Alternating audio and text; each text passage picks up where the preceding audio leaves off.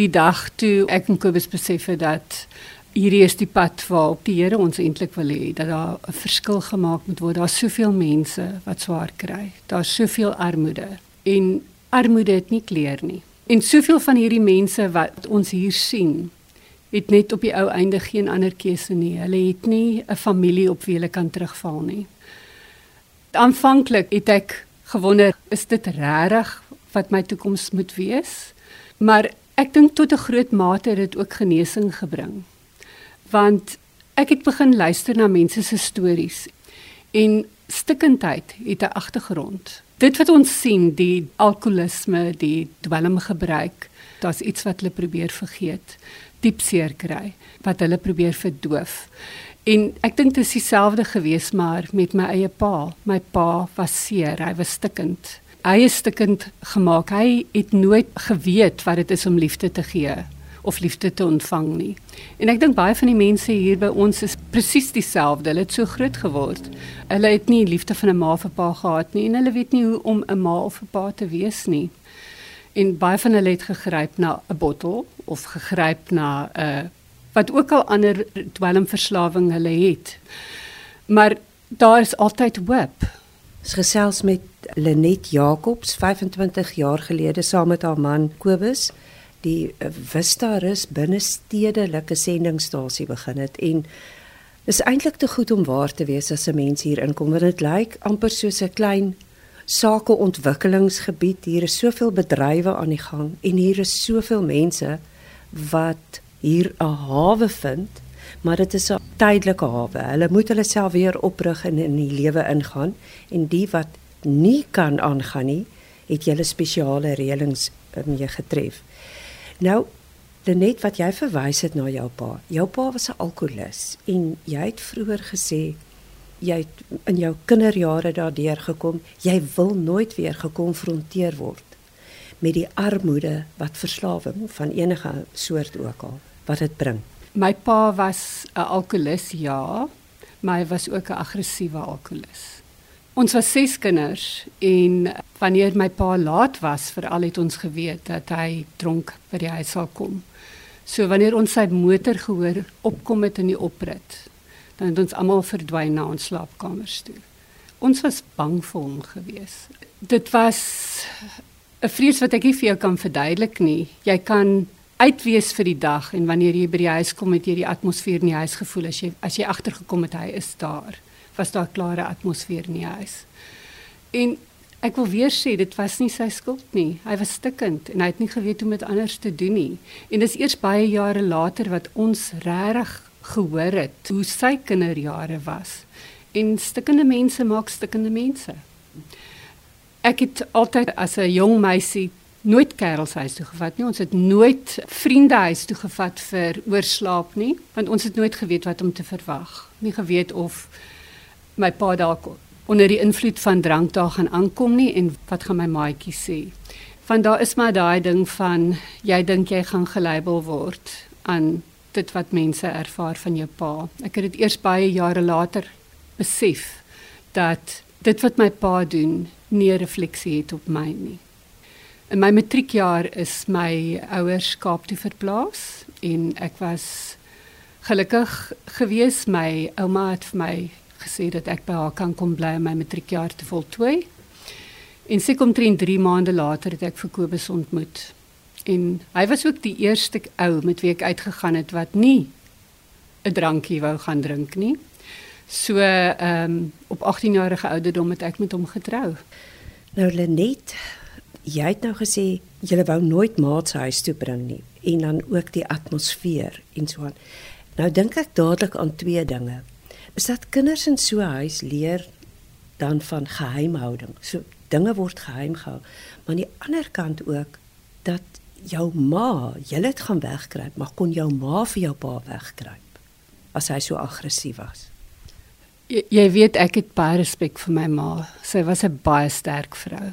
En ehm um, as ek dink aan my ma en my kinderjare, dan sien ek haar voor 'n naaimasjien en ek sien haar voor 'n breimasjien want dit is nie maklik om ses kinders se basse toegehou te kry nie.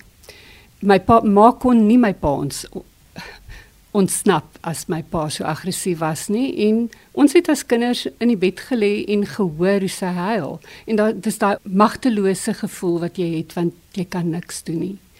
Hy het nie handgemeen met haar geraak nie, maar ek dink die aggressie en die uh, verbale aggressiwiteit dit sal enige kind affekteer.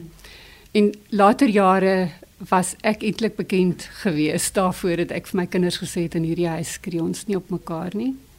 Want as ek in 'n situasie kom waar mense op mekaar skree, dan is dit soos 'n terugflits na my kinderjare toe. En ek onthou het ek vir my seuns gesê niemand skree op julle nie. Tot so mate dat toe my seun in, in graad 1 was op skool toe die onderwyseres my laat kom en vir my gesê dat my seun vir haar gesê het sy mag nie op hom skree nie. So maar die groot ding is net my kinderjare het my laat besluit dat my lewe anders gaan wees. My kinders gaan anders groot word as wat ek groot geword het. My huis gaan 'n hawe vir hulle wees. Maar nou wil ek weer sê my ma met die naaimasjien en die breimasjien. Daai breimasjien het baie keer die kos op die tafel gesit dis hoekom ek sê ek het baie respek vir my ma. Ja, sy was altyd besig om goed te doen.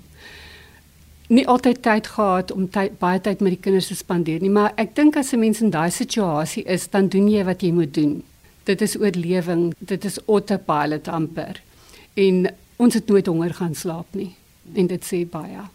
Lenet wat jy sê van die geskreeuery. Onthou een keer in Johannesburg het die eh, vrouens wat in die tronk beland het omdat hulle hulle gewelddadige um, mans of hulle gewelddadige vriende of baie seer gemaak of doodgemaak het. Toe die een gesê die houe dis sy kon nie houe vat, maar sy kon nie die houe van die woorde vat nie. Ja, nee jong, woordebreekstukkend. Tot 'n groot mate het my ma daaronder gelei nou op haar ou dag, sy het nou 'n goeie vriend, oom Gert. Hy dra op die hande. Sy kry nou dit wat sy nog altyd eintlik verdien het. Nou kom ons terug na Wistarus toe. Dis nie 'n wegkruipplek vir die lewe nie. Dis 'n bemagtigingshawe as 'n mens dit so kan stel. Ek volg julle al jare want dis my net ongelooflik wat julle hier doen. Maar as jy van die familie sien wat hier inkom, kry jy dan 'n terugflits na wat julle situasie was? Hoe loop daai parallelle? Want mense verander nie sommer, weet en hulle sal altyd sê dis iemand anders se skuld dat hulle nou so en hierdie was nou dit dit so kom hulle moes drink. So jy word baie gekonfronteer hier met jou lewe wat was en dan lewens wat jy probeer verander. My hart word aangeraak baie veral wanneer dit wanneer haar kinders betrokke by is. Ek besef tot 'n groot mate en dis wat ons oor die afgelope 25 jaar geleer het, is dat tensy die ouers 'n verandering in hulle lewe maak, tensy hulle nuwe kom ons gebruik maar die Engelse woord daarvoor, coping mechanisms, as hulle nie beter coping mechanisms kry nie, dan gaan die lewe van hulle kinders nie verander nie. En ons droom was nog altyd oor hierdie afgelope 25 jaar dat die siklus gebreek moet word by die kinders. En ons het nou al 'n tweede generasie wat ons gesien het deurkom waar die ouers nie verander het nie en waar die kinders die volgende generasie op ons program was. En dit breek my hart. So ons doen op hierdie stadium alles wat ons kan om die kinders te bemagtig om aan te beweeg. Verlede jaar het ons 'n grant gekry by 'n trust wat ons nou in staat stel om 'n onderwyser in die middag aan te stel wat met die kinders werk met hulle skoolwerk sodat ten minste hulle nie uitgaan uit die skool uit al op standaard 8 nie sodat hulle dan ten minste die beste kans kry sodat die siklus gebreek kan word. So ons fokus baie daarop, maar baie keer is dit wat ons vir die kindertjies doen net 'n pleister wat op 'n sweer geplak word as die ouers nie verander nie.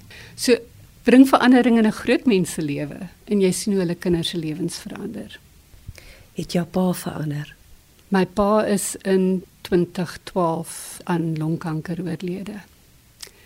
Ek het my ma bygestaan in die laaste paar dae van sy lewe. Ons het ons vrede gemaak.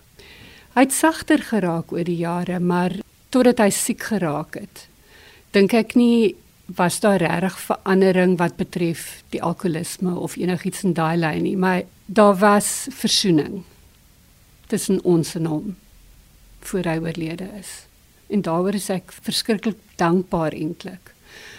My pa dink ek nie het ooit genesing gekry vir sy seer nie.